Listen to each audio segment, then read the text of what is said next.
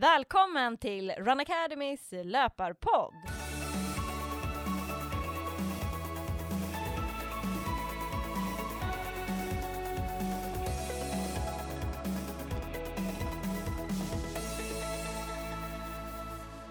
Det här är podden för alla er som gillar löpning. I dagens avsnitt så kommer jag, Petra Kindlund, tillsammans med min kollega och supersnabba löparen Johanna Bäcklund att eh, fördjupa oss kring just hjärnans hälsa och hur träning påverkar hjärnan. Så vi har ett superspännande avsnitt framför oss där vi också kommer ringa eh, Jenny som är forskare inom just hjärnan hälsa. Och vad kommer vi prata om Johanna? Vi kommer att prata om hur hjärnan påverkas av träning och vi har fått många intressanta infallsvinklar genom vårt samtal med Jenny. Eh, bland annat om hur eh, träning aldrig är för sent att börja med, men också hur det kan påverka sjukdomar som man kan drabbas av som demens, stroke med flera. Eh, och även träning kring utbrändhet och depression. Så det här kommer bli riktigt spännande. Mm. Och eh, Jenny som vi ska ringa upp, Jenny Nyberg, hon är doktor i neurovetenskap vid Göteborgs universitet och forskar om hjärnans hälsa och hur den påverkas framförallt av fysisk aktivitet. Så det här ska bli väldigt spännande. Mm. Mm. Ska vi passa på att ringa upp henne? Det tycker jag vi gör. Ja, hej det är Jenny. Hejsan Jenny, det här är Petra från Run Academy. Och Johanna. Hej, hej. Hej. hej. Vad roligt att vi får chans att prata med dig. Ja. Vi, vi är superpeppade. Eh, vi tänkte bara att du kunde få börja med att berätta lite kort vem du är. Ja, jag heter Jenny. Jag eh, finns, eller forskar på Göteborgs universitet, eh, institutionen för neurovetenskap och fysiologi. Mm, började 2000, så jag har hållit på en 20 år. Är docent nu. Jag eh, jag har studerat hjärnans formbarhet kan man säga hela tiden. Det som man brukar kalla för hjärnplasticitet. Men eh, mycket inriktat mot fysisk aktivitet och hur den påverkar hjärnan. Jag har kollat lite eh, från olika eh, infallsvinklar. Jag började med att stå på labb och eh, mycket med så cellodlingar och små prover och molekyler och grejer. Och nu håller jag ganska mycket på med epidemiologi som ett ord som alla vet vad det är numera. som man inte visste förut. Eh, och statistik och databaser. Vi har även en del eh, interventionsprojekt också på gång bland eh, patienter i primärvården i Göteborg. Eh, så. Ja. Men vad är det som har gjort att du har blivit så intresserad av just hjärnans hälsa? Varför just hjärnan? Eh, eh, jag har också fått den frågan förut, men jag har tyckt att det har varit intressant för att det är lite, det är liksom den som styr oss, det är den som styr allt. Ja. Så det är väl lite därför. Det var när man pluggade på universitetet, så när man läste om neurologi och även psykologi, liksom, att det, det är ganska mycket fascinerande. Eller jag tyckte i varje fall. Och sen eh, började jag göra mitt eh, examensarbete för en eh, man som heter Peter Eriksson eh, här vid Göteborgs universitet. Och han, eh, det var, han var väldigt eh, populär just då. Eh, för det hade precis kommit en jättestor studie om att, som han hade publicerat om att eh, även människor hade sådana här stamceller i hjärnan och sådär. Det trodde man inte förut. Så det var så här jättestort mediauppbåd, han fick priser och det var mycket journalister och grejer. Så då hamnade jag ju eh, in på det lite grann. Mm. Vad spännande. Eh, vi är väldigt intresserade av att veta lite hur hjärnan påverkas av träning.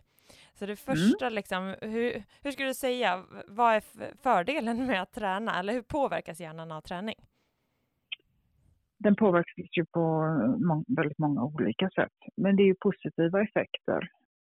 Man har ju sett att olika eh, funktioner i hjärnan, så kognitiva mentala funktioner förbättras med minne, eh, vi lär oss saker snabbare, eh, lättare att fokusera och koncentrera. Men även den här psykiska hälsan. Man kan eh, motverka depression, nedstämdhet, man har även sett goda resultat för att använda sig av fysisk aktivitet vid behandling av depression. Och sen så sker det ju massa fysiologiska saker också, men det är väl de effekterna man ser. Man kan även se att det är eh, sådana som har, och det är ju de studier som jag har varit mycket involverad i, att en eh, hög fysisk kondition, att man rör sig mycket mot, liksom, minskar risken att drabbas av olika sjukdomar i hjärnan. Eh, depression, ångest, men demens, eh, men även jag tittar på migrän, epilepsi och stroke och så vidare. Mm. Eh, men eh, jag tänker så här, många har ju svårt att prioritera träning om man känner sig stressad. Ja. Eh, hur skulle du säga där? Alltså jag tänker så här, det är ofta att man då prioriterar bort träningen om man haft mycket på jobbet eller eh, man inte tar den där breaken, man sitter och bara malar framför datorn istället för och tar. Yep. Mm, hur kan det påverka att man istället skulle ta en paus eller att man kommer ut och träna efter jobbet eller sådär? Det har man ju sett att det har väldigt positiva effekter och motverkar stress. Och, och, och stress i sig har ju många negativa effekter på hjärnan. Eh, det gör att ja, men vi har svårare att komma ihåg, svårare att lära oss. Eh, det finns strukturer i hjärnan som fungerar sämre. Till exempel, Mm, brukar prata om en struktur i hjärnan som heter hippocampus som är väldigt viktig för minne och inlärning. Och, sådär. Och, och det är där som det bildas nya fräscha celler eh, hela vårt liv. Celler, stamceller. Men de har sett att mm, hippocampus kan till och med krympa och bli mindre och inte fungera som den ska. Och så. De här stresshormonet kortisol har ju väldigt ja, det är inte alls bra för vår hjärna helt enkelt. Men då finns det studier som visar att om man då är fysiskt aktiv så motverkar det alla de här negativa effekterna. Så det är väldigt viktigt att, att vi rör på oss. Då, då, då, vi kan hantera stressen bättre, eller klara av stressen bättre eh, om man är fysiskt aktiv. Men samtidigt så är det ju, alltså jag, jag kan ju vara lite restriktiv också när man säger, det beror på, mm, som jag som är ute och föreläser mycket, beror på vilka man föreläser för. För det är ju inte så att om man föreläser för företag till exempel, att bara du köper en anställd gymkort så kan du stressa ihjäl dem, utan det finns ju en orsak till att man är stressad och den måste man ju i arbetssituationen eller, eller i ens privatliv eller vad det än må vara, man måste ju se över de grejerna. Men, men eh, positiva effekter av att röra sig på stress finns det definitivt. Mm. Men, men hur ska man tänka de där dagarna om man har en väldigt stressig dag? Är det bättre att försöka stressa in den där träningen eller är det bättre att man hoppar över den? För att man ska bli ja, jag tror, att det, jag tror att det är väldigt personligt och det är jättesvårt att säga. Ja. Um, jag tror att man kan lägga på ytterligare stress och press om man ska ut och, och, och, trycka in det här och inte ha någon lust till det. Därför tycker jag också att det är så viktigt att man att man gör någonting som man gillar. Och många av de här studierna som är gjorda, de är gjorda på springning eller löpning. Och jag vet att jättemånga hatar det, men de gör det ändå, men de tycker att det är jättetråkigt. Och, då, och de blir stressade att de inte gör det. jag måste ut och göra det här. Så blir det ytterligare en sak i livspusslet som ska in. Liksom. Mm. Eh, hitta hellre någonting som man tycker om, eh, som man får glädje av. Mm. Det finns flera studier som visar väldigt fina effekter bara av att gå.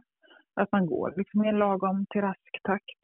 Eh, att man bara rör på sig. Man kanske kan göra det med någon vän så det blir roligare. Man kanske eh, kan sätta upp ett mål. Man kan, vissa taggar till och blir mer motiverade om man anmäler sig till något litet, litet lopp eller någonting eller något annat mål. Eh, man kan göra någonting annat, simma, cykla, gå en danskurs, ta något pass på gymmet. Alltså, Eh, jag tror att det är viktigt att man, man, man hittar en form som man tycker om så att man inte får den här stress och pressen på sig. Men är det daglig aktivitet som man behöver eller är det så att man kan, jag tänker promenader är ju något som, men jag tänker så lite mer konditionsträning om man tänker på löpning eller eh, simning eller vad som alltså så här, är det daglig aktivitet som behövs eller eh, kan man se effekt av hur många pass i veckan behöver man göra för att man ska få effekt att det är positivt? Mm. Eh, de, de studierna som har gjorts då, då kan man se att eh, svenska lagom är ganska bra. Eh, tre till fem gånger i veckan, 30–60 minuter, något sånt där. Eh, där man ser absolut störst liksom, förbättring är ju när man tittar på folk eller människor som har ganska låg fysisk aktivitet till att de i alla fall börjar göra lite lagom med saker. Där får man väldigt många stora liksom, hälsofördelar. Medan om du redan ligger på en ganska hög nivå och pressar dig till en superhög nivå, inte så stor skillnad. Eh, så man behöver inte eh, liksom ta ut sig helt varje dag, det är inte det det handlar om. Eh, men det måste, måste ju ske en regelbundenhet, det räcker inte att träna två gånger och tro att allt är okej. Okay. Utan det, det, det är en livsstil, ett, ett, eh, en vana med regelbunden fysisk aktivitet över tid. Det tar tid att förändra saker i hjärnan. Det som händer när vi rör på oss är att det faktiskt sker med fysiska förändringar i hjärnan. Eh, det bildas fler celler, cellerna som finns där får mer utskott och eh, strukturer förändras och så vidare. Och, det tar tid, det är ingenting man gör på en gång. Däremot kan man få eh, positiva effekter direkt efter ett träningspass. Att man direkt efter man har varit ute och sprungit till exempel, så antingen brukar man känna sig, och jag känner mig så avslappnad och så det känns lugnt eller att man oj, känner sig fokuserad och så pepp och or har fått ork och orkat ta tag i saker och så. Och, och, det är ju effekter, man ser ju effekter på koncentration och fokus och så vidare.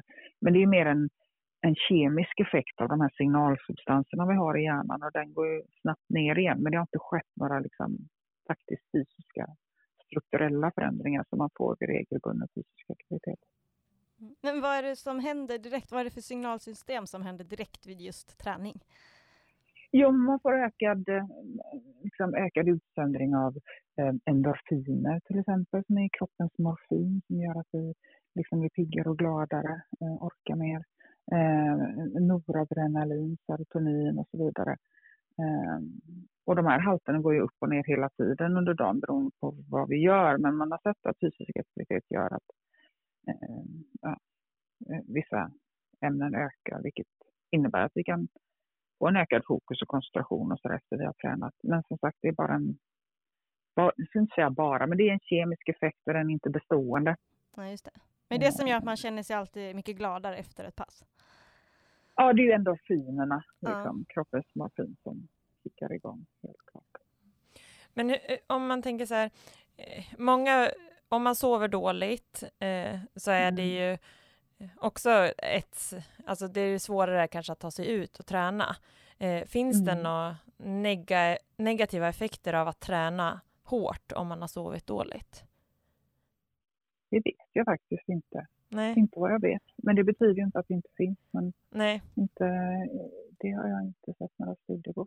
Men har du sett om, eh, om träning kan hjälpa till mot sömn, om man har sömnproblem? Mm, det, det, vet man ju. Att, för det är väl ganska också klassiskt, sådana som har sömnproblem, att det är viktigt att röra på sig. Mm. Eh, att det kan öka sömnen, men att man kanske inte då ska göra det direkt innan man går och lägger sig. Återigen, för de här kemiska substanserna som gör att man blir pigg och fokuserad och koncentrerad. Det är kanske inte riktigt det man vill vara när man ska gå och lägga sig. Eh, men att man rör sig under dagen, det finns det ganska mycket studier på som visar. Why you upset like Cinderella teens? You should see the things I feel inside these denim jeans. I can't associate with y'all this shit like ketamine. Been on one, been on two, been on everything. Bitch, I'm with my gang, with my squad. What the fuck you want? So be rolling gas, I can't hang. Bitch, I'm fucking gone. I got people down from the jump, better know your bonds. I got people just tuning in, and the love is strong. Damn, they gon' want a piece when you got it like that. Like Jake said, we gon' spend it, get it right back. Stack that internet money to the site crash.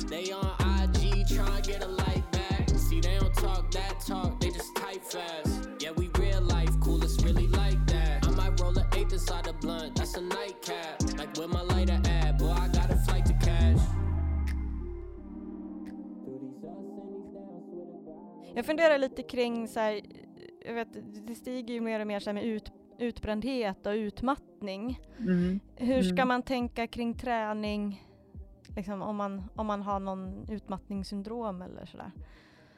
finns studier som visar på positiva effekter där med.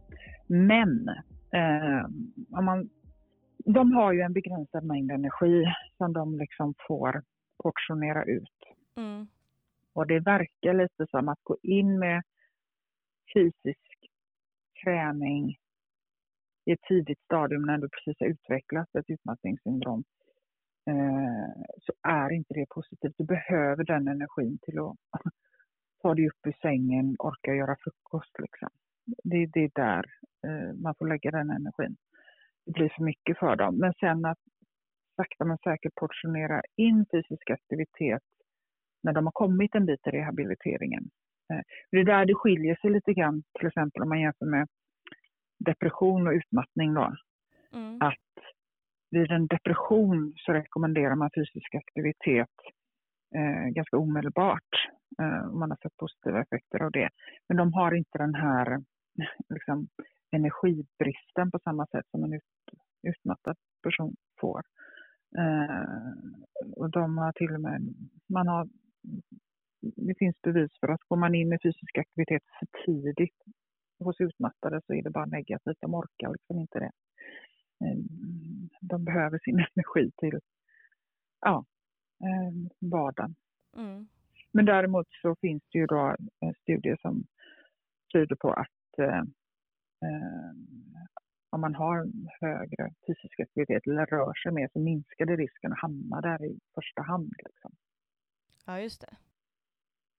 Men när man har, jag tänker om man har haft, om man är på väg tillbaka där, eh, för jag vet mm. vi har ju haft ledare, eller ja, bekanta som har, som har eh, varit utbrända och som har berättat mm. att de tycker att just fysisk aktivitet också har hjälpt dem, speciellt kanske i ja. slutet, för, för att liksom, man får energi av träningen också. Jajamän, eh, och, och det vet man ju, så det är jätteviktigt att man att man börjar liksom sakta men säkert röra sig. Men det, det handlar väldigt mycket om att känna efter mm. hur, hur kroppen reagerar. Liksom. Det räcker med att kanske bara gå och hämta posten, och gå runt huset, gå upp och ner för gatan. Alltså successivt eh, öka upp det så att man inte tar slut helt på sin energi och inte orkar göra någonting annat. Mm. Så tänker jag, för vi har ju många som tränar, som tränar väldigt mycket som också lyssnar på oss. Eh, som kanske, mm. det, det, kan ju bli lite att man kanske tränar för mycket också. Alltså det finns ju åt, mm. åt den gränsen. Hur påverkas hjärnan om man liksom tränar, om man blir övertränad, att man tränar för mycket och inte får liksom, mm. tillräckligt med vila? Precis, det finns eh, lite studier. Vi har bland annat gjort en, vi gjorde på råttor, eh, där vi såg att Eh, Eh, positiva effekterna minskar. Eh, att det kan vara negativt och nedbrytande för hjärnan. För att, det, eh, att pressa sig för hårt, då får det ett konstant på... Alltså när vi rör på oss så går ju vårt stresssystem igång. Det är så vi fungerar som individer och organismer. Det är helt normalt. Liksom. Men att det blir som att det här stresssystemet med stresshormonerna ligger på för mycket. Eh, och det kan vara negativt. Men, men återigen, det här handlar ju om ganska extrem, extrem sporthandel. Liksom. Mm. Eh, det är ingenting som ofta som även väldigt vältränade normala människor kommer upp i. Så. Men det finns, eh, det finns negativa effekter av att träna för mycket, absolut. Eh, men du var ju inne lite på så här, att träningens påverkan mot depression, demens och ångest. Eh, mm. Att det kan eh, göra att man alltså, kanske inte drabbas på samma sätt av de sjukdomarna. Mm. Eh, mm. hur, alltså, hur långt tillbaka, jag tänker så här, ja, men, hur länge behöver du ha varit fysiskt aktiv för att man ska minska eh, risken för att drabbas av just de typer av sjukdomar? Ja, eh, eh, det finns studier på lite olika eh, tider, men vad vi har kollat på har vi ju studerat Eh, eh, hur eh, ja, bra fysisk kondition man hade i tonåren och risk att drabbas av demens senare i livet. Eh, och redan där ser vi eh, ganska stora effekter. Men jag vet, det finns studier som visar på kortare tid och sådär. Men sammantaget, eh, vad jag tycker man kan se är att det är aldrig för sent även när man har gjort studier på äldre människor, 60, 70, 80, som har fått börja eh, röra på sig, oftast i form av promenader, powerwalk eller så, vad man klarar av, eh, så ser man positiva effekter, att, att minnesfunktionen blir bättre, eh, de lär sig eh, snabbare och man ser strukturella förändringar i hjärnan och så vidare som är positiva. Så, så det verkar aldrig vara för sent. Det är liksom, ja men jag är 70 nu, det är ingen idé. Jo, det är det faktiskt. Så det tycker jag är ganska hoppfull information. Ja, verkligen. Men hur, lång, hur mycket måste man träna för att det ska bli effekt? Ja, det är också återigen jätteindividuellt. Ja. Eh, som, som vi pratade om innan, det handlar ju om, om regelbundenhet. Eh, att man gör det några gånger i veckan, 30-60 minuter.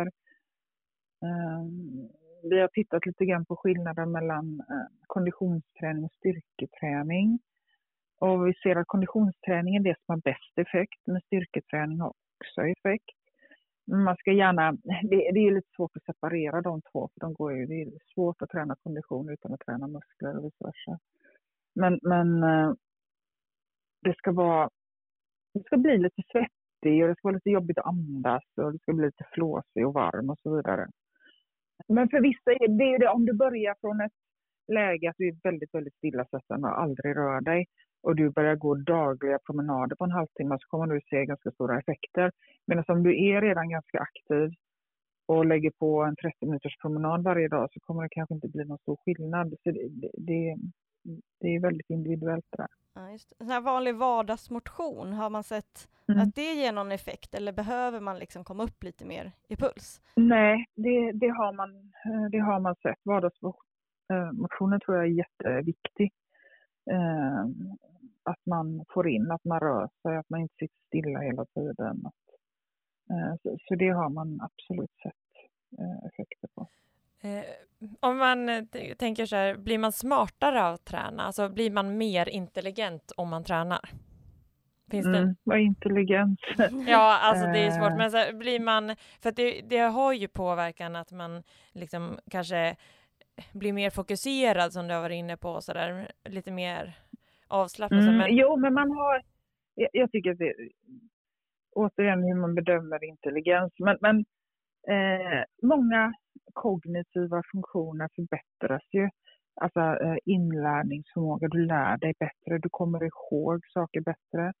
Eh, man har sett eh, väldigt positiva effekter på de här exekutiva funktionerna som handlar om koppla samband, orsak, impulskontroll. Det är de här högre funktionerna som vi människor har. Och det är ju en intelligens i sig. Om man tittar rent... Eh, vi har ju sådana IQ-tester man kan göra.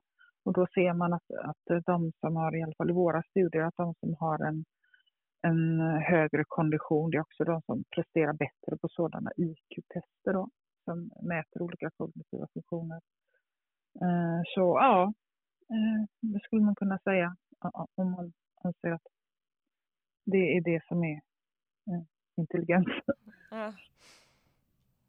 Jag, jag funderar lite om det spelar någon roll var man gör träningen. Om det spelar, om man liksom, spelar en roll om man springer på gymmet eller om man springer i skogen. Eh, rent fysiologiskt så tror jag inte det gör det. För det som sker i kroppen, det sker i kroppen oavsett. Men däremot för den egna upplevelsen så eh, tror jag det spelar roll. Det spelar säkert roll för motivationen om man vill göra det igen och så vidare.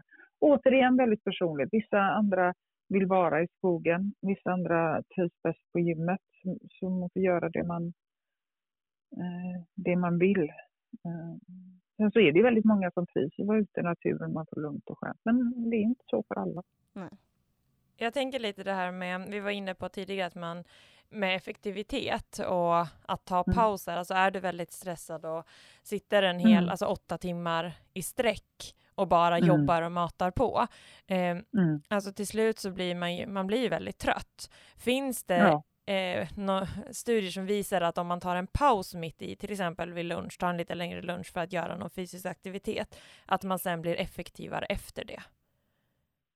Jo, men det finns det ju. Men, men, eh, frågan är om det är liksom pausen i sig eller om det är den fysiska aktiviteten. Alltså, oavsett ma vart man liksom trycker in fysisk aktivitet är det ju, är det ju positivt. Mm. Eh, och, så, och, att ta en paus i sig är ju eh, också positivt. Så, eh, det finns ju mycket rekommendationer att man ska göra det. Mm.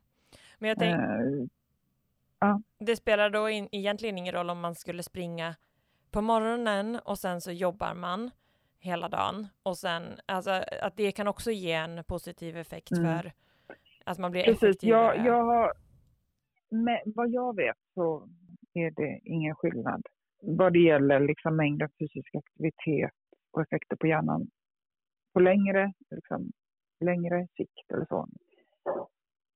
Men den här, de här kortsiktiga effekterna vi pratar om, det här med, med fokus och koncentration, då, då, är, då kan det ju vara bra att ta en paus och röra på sig och sen sätta sig igen. Mm. Jag funderar lite, vi har ju våra löpargrupper som vi startar här nu snart. Eh, mm. Och vi tänker ju att det är extra viktigt nu, för många har varit ensamma mer än vad man kanske är kanske mm. bra och att vi ser att mm. många mår bra av att liksom få chansen att träffa andra på det här sättet. Så jag funderar lite ja. bara, hur påverkas hjärnan av ensamhet som många har varit extra mycket av nu senaste ja. tiden? Det är ju tyvärr inte så positivt då. Nej. Eh, vi har pratat eh, ganska mycket, eller bara om fysisk aktivitet och hjärnan här, men det finns även ett annat begrepp som är minst lika viktigt och inom forskning kallar man det för berikad miljö. Liksom att vi stimulerar hjärnan på stimulera våra sinnen på olika sätt. Att man eh, testar nya saker, träffar människor och lär sig nytt och eh, olika miljöer och sådär. Och där ingår just det här sociala och, och det visar ju det finns ju många studier som visar att eh, det sociala livet är väldigt viktigt för oss och, och kan också minska risk för eh, ja, psykiska sjukdomar och demens och så vidare. Så det är ju väldigt viktigt och, och, jag vet att alltså den psykiska ohälsan i de här eh, pandemitiderna, den ökar ju liksom. Eh, jag vet de som jobbar inom psykiatrin, de får ju väldigt mycket tecken på det och jag vet en, en professor i psykiatri som jag samarbetar med, hon, hon är ju nedringd av alla de här eh, ja, självmordslinjerna, suicidlinjer. Man kan ringa och så vad de vill att hon ska komma och utbilda, så de kan utbilda mer personal som kan ta emot samtal och så, för det har ökat jättemycket. Så, nej, det är inte jättepositivt, våra hjärna. Ja, Fi. Ja, det är många saker som kommer efter en pandemi också och mm, påverkar mm. väldigt mycket. Som kommer, och det kommer ju kanske inte, det kommer komma nu i efterhand mycket mer också mm. säkert. Mm. Eh. Och då tror jag sådana här som du skriver, eller säger med löpargrupper, så tror jag är jätteviktigt. Både att man liksom rör på sig och att man får den här lite mer sociala mm. kontakten med folk. Så jag tror, tror att det är jätteviktigt och jättebra. Mm. Ja, men det känner vi också att det känns extra viktigt att vi ändå kan fortsätta med våra löpargrupper nu ja, i vår. Ja, ja, eh, just för att det är så viktigt också för folkhälsan. Eh, men sen ser vi till att vi håller liksom små grupper och håller avstånd och så också på träningarna. Mm. Mm. Vi var ju inne lite på vilken typ av träning som var bäst för hjärnan. Så att mycket forskning har gjorts på just löpning, men att generellt så är det fysiskt, men det är mest konditionsträning som påverkar? Eh. Ja, alltså, den, den mesta forskningen är gjord på konditionsträning.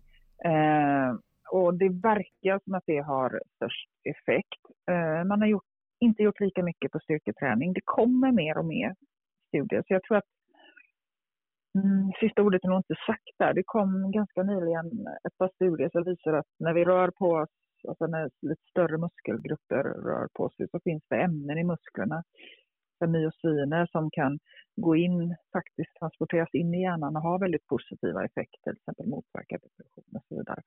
Så att jag tror att eh, sista ordet är inte sagt än.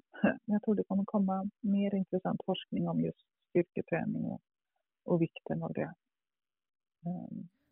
Finns det någon bästa ålder då när man ska träna? Alltså när det, vi sa ju att för att att även för, för to, alltså tonåringen redan där minskar mm. risken för demens. Men finns det någon bästa ålder mm. för just att få en effektivare hjärna om man säger så?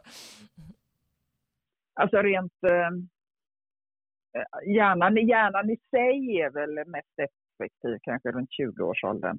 Eh, men, men det har ingenting, det är ju oavsett träning. Eh, och, och vad vi brukar, liksom, varför kan en fysisk kondition i tonåringen, när man är tonåring, ha en effekt på en sjukdom som kommer kanske först i 70-årsåldern, som demens kanske. Och det, vi tror väl att det kan bero på ett par saker, förmodligen en kombination av det. Dels det här att man sätter ett vanemönster. Alltså växer du upp eh, och du rör på dig och du fortsätter röra på dig i tonåren och så vidare. Så är det större sannolikhet att du kommer fortsätta röra på dig. Eh, så att du liksom, ja, men det sätter en vana, ett beteendemönster. Liksom. Så det är nog en, en del av en förklaring, att du faktiskt rör dig hela livet. En annan är att man, har, man brukar prata om det här med eh, eh, hjärnans reserv eller brain reserve. Som man säger. Att under tiden som hjärnan utvecklas, den fortsätter utvecklas till ja, 25-30 års åldern innan, innan hjärnan är färdigutvecklad. Och puttar man in massa bra grejer då, till exempel fysisk aktivitet, eh, så får man liksom bestående effekter, en hjärna som klarar av mer slit och släng, om man ska säga, eh, saker man råkar ut för i livet eh, och, och, klarar av det bättre. Man bygger upp en, en, en högre reserv, mot, eller buffert, eh, mot saker som kan hända i livet. Och, och förmodligen är det en kombination av de två. Eh, men som jag sa innan också att det är aldrig för sent. Eh, det finns väldigt många studier på äldre som, där man har börjat röra på sig och sett Eh, mycket positiva effekter. Men det är även viktigt för barn och skola och så vidare. Det finns också eh, väldigt mycket bevis för att, att det är viktigt att, att barn rör sig i skolan för att de ska kunna ja, men lära sig bättre och orka med, eh, kunna fokusera så länge som möjligt. Att röra på sig i skolåldern är ju det finns en hel del studier som, säger, som visar att eh, om det är mer fysisk aktivitet i skolan så, så presterar de bättre. De får bättre betyg i matte, engelska och svenska och så vidare. Eh, men det, som, det, det, går ju inte att ersätta matematikundervisning eller svenskundervisning utan det som fysisk aktivitet gör är att det liksom bygger en ba, bra grund för inlärning överlag. Så de kan ta till sig eh, kunskapen bättre. Liksom. Eh, så det, det, det är viktigt över alla åldrar. Så spännande! Ja. ja jättemycket lärorikt vi får höra ja, dig. Bra. Ja, jätteintressant. Har du någon mer fundering, Johanna? Nej, jag tycker vi har gått igenom det mesta som vi hade funderat på. Sen finns det ju hur mycket som helst, men jag tycker vi har fått väldigt mycket bra svar och eh, mycket som är värt att tänka på och att just det här mm. att man kan påver alltså, påverkas i alla åldrar så att det inte är så att det är kört ja. när man blir äldre. Eh, Nej. Eh, det tror jag är en jätteviktig sak också som man tar med sig, för det är lätt mm. att man bara tänker att eh, då är det ingen idé längre med träning, men nu har vi fått många bevis även för hjärnans funktioner att det är bra att fortsätta. Precis. Mm. Precis. Ja, men stort tack för att vi fick prata med dig Jenny. Det var väldigt... Ja, det var så lite så. Ja, väldigt roligt och intressant framför allt.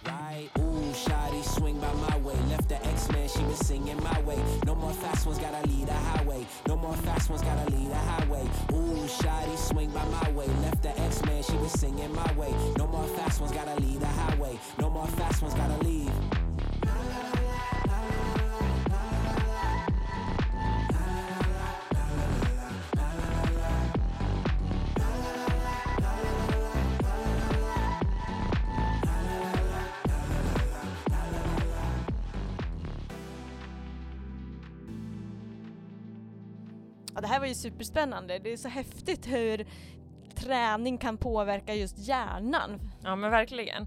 Eh, jag tycker att det var många saker som eh, liksom verkligen bevisar hur viktigt det är att man är fysiskt aktiv och att man är fysiskt aktiv ända från det att man är barn till man är alltså egentligen hela vägen, hela livet igenom så är det viktigt att man är fysiskt aktiv. Och just det att hon säger så mycket om att man sätter grunden. Mm. Eh, att ofta de som är aktiva i barn och tonåren blir ju också fortsättningsvis aktiva eh, under sitt vuxna liv. Eh, och sen tycker jag också att just det, att det är intressant att man kan göra mycket även om man inte har varit fysiskt aktiv tidigare bara genom att ja, men, köra powerwalks och sen till slut kanske börja springa. Så jag tror att de som nu i vårens löpargrupper till exempel ska komma igång med löpningen eh, så tror jag att det kommer ha jättestor effekt eh, såklart också för hjärnans funktioner och också att minska risken för många av de sjukdomar som hon var inne på Mm. som kan drabbas senare eller Och jag tycker också att det känns extra bra nu, eh, när vi fick också bekräftat av henne att hur viktigt det är att vi ändå fortsätter med våra löpargrupper Mm. nu i vår, trots liksom, pandemin och allt som händer och att det är så viktigt för så många. Ja men just det som man var inne på att det psykisk ohälsa har ju verkligen ökat markant i och med pandemin. Eh, och att eh, det är en viktig del för hjärnan är ju det sociala och miljön som man eh, är, är i och liksom får man då den här träffen en gång i veckan tillsammans med andra på ett säkert sätt där man är utomhus i små grupper, man håller avstånd, man integrerar inte med varandra, eh, så gör det ju väldigt många positiva effekter. Eh, och det känner man ju själv, alltså jag kan tycka bara nu eftersom att man är så mycket mer begränsad, man har inte samma umgänge som man normalt har, men så fort man träffar någon utomhus, liksom gör någon aktivitet tillsammans, så får man ju väldigt mycket stimulans själv. Man blir ju mycket, mycket piggare. Mm. Ja, för jag tycker också själv att man kan bli lite så låg på energi. Eh, när man kanske inte, ja men det är så här, helgerna kanske blir lite mer långsamma, man, man gör kanske inte lika mycket som man gjorde tidigare. Eh, att man, och man liksom får inte samma, alltså man tänker kanske inte själv att det beror på att man inte träffar lika mycket folk. Nej, men blir... Utan man blir bara lite så här låg på energi, men det är svårt att veta vad det egentligen beror på. Mm. Och att det kan faktiskt vara en sån grej att man, man umgås inte lika mycket, man får inte lika mycket liksom, perspektiv från andra Nej. som man har fått tidigare. Eh, och för förr fick man ju även om man, alltså man fick ju mer även om man Alltså bara att man går mer i affärer, alltså man bara ser mer folk. Det gör man ju inte ens nu liksom. Nu ska man ju försöka undvika alla, man liksom, ja det blir ju, det blir ju annorlunda. Ja, verkligen. Ja. Och att man kan påverkas att, av att man inte får den här liksom dagliga kontakten med folk man kanske inte känner på samma sätt heller. Eh, att det blir liksom, ja, mer, att man blir mer inlåst. Jag kan tänka mig många som jobbar mycket hemifrån nu och har gjort det i över ett år. Alltså man har inte träffat några alls liksom, knappt. Det Nej. påverkas ju. Och så då, Ja, då känns det ju så extra viktigt att vi faktiskt kan köra våra, våra löpargrupper. Och det vet jag också en, en våra deltagare eh, som verkligen kom fram och tackade extra mycket att vi kör våra träningar just för att hon, hon hade liksom led av liksom depression. Och det här var hennes höjdpunkt i vekta, veckan. Eh, och att det var, liksom, det var jätteviktigt för, för hennes hälsa och välmående att vi ändå fortsätter med våra träningar. Och då känner man ju liksom hur viktigt det är att vi ändå fortsätter att köra. Så det är superbra att vi har så många också duktiga ledare som också är med nu och kör i vår. Det betyder ju oerhört mycket. ja, verkligen. Ja, det kommer... Men det känns bra att, att det finns liksom stora bevis för, för fysisk aktivitet. Alltså vi, både du och jag är ju, gillar ju att röra på oss och gillar att träna och gillar löpning och vill gärna påverka de flesta i vår närhet att vara aktiva. Eh, och då tycker jag det är väldigt intressant alltså, att eh, vi pratade tidigare avsnitt om åldrande, hur, hur det påverkas och hur bra fysisk aktivitet är för det. Men här får vi jättemånga bevis också för just hjärnan. Eh, och det här när man känner sig som mest stressad, att träning har ju faktiskt jättebra effekt då. Eh, att man eh, klarar av att hantera fler stressade moment. Mm. Så det är också en sak, att man oftast blir mer avslappnad och mer fokuserad när man har kört ett träningspass. Och det känner jag själv. Jag har jättesvårt att sitta och fokusera jättelång tid i sträck. Jag måste ta pauser och jag springer jättegärna vid lunch och gör nästan det varje dag för att jag ska få en liten break och sen känner jag att jag blir mycket, mycket effektivare efteråt. Mm. Exakt. Ja, nej. men så det, det är viktigt att hålla igång. Ja, Ja. Och nu i vår har vi också en eh, nybörjargrupp. Mm. Så får jag hoppas att vi får många liksom nybörjare våga springa med oss. Att vi kör liksom nybörjargrupp nu hela terminen, så det är lite nytt. Mm. Eh, och att vi verkligen får fler att våga ta steget, det är ju vår förhoppning. Att ta steget att börja komma igång lite mer med mm. träningen. Att det, och att det är extra viktigt nu under mm. pandemin, mm. att man rör på sig för att må bra.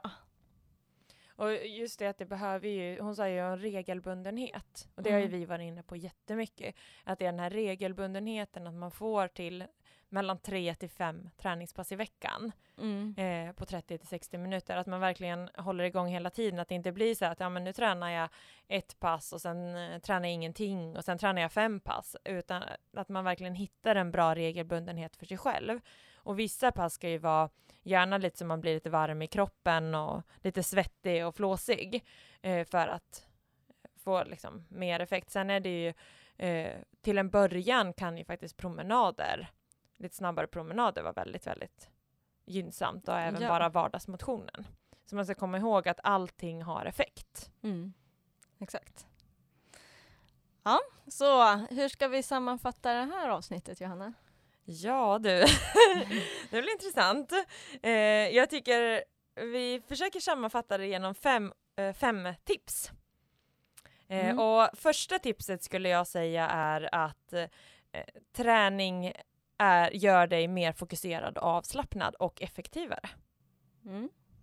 Uh, och uh, mitt uh, an andra tips det är ju det här med, med stress, att det motverkar stress och att om man känner sig väldigt stressad, att man försöker att inte prioritera bort träningen helt. Utan att man försöker ändå prioritera in lite träning och att lite träning ändå kan ha effekt än ingenting alls. Mm. Så jag tyckte det var intressant att man jämförde det lite med utbrändhet och med depression. Att mm. vid depression så var det ju verkligen bra att direkt eh, vara fysiskt aktiv medan vid utbrändhet så eh, är kroppen redan väldigt stressad vilket gör att man kanske först måste lära sig det vardagliga och bara komma upp ur sängen innan man sen kan addera fysisk aktivitet men att det har en rehabiliteringsfunktion även vid utbrändhet. Mm. Um, och sen så tyckte jag det var spännande här med sömn, att träning också kan hjälpa en att sova bättre. Och sen det femte tipset, det är ju att det är aldrig för sent att börja. Mm. Eh, alltså det har påverkan från det att du är barn till det att du, eh, ja men hela livet igenom. Det mm. tycker jag är en väldigt viktig del att ta med. Men det är aldrig för sent att börja röra på sig. Nej, exakt. Så att eh, med det här sagt så får vi önska er alla att ge er ut i lapparspåret. Ja. Ge er ut, rör på er och allt är bättre än ingenting. Så att en kvart gör ju mer än ingenting alls. Mm. Och sen häng på i vårens löpargrupper för det kommer bli fantastiskt roligt. Mm. Och man kommer få extra energi också av att träffa andra människor. Mm. Mm. Så det är extra viktigt nu.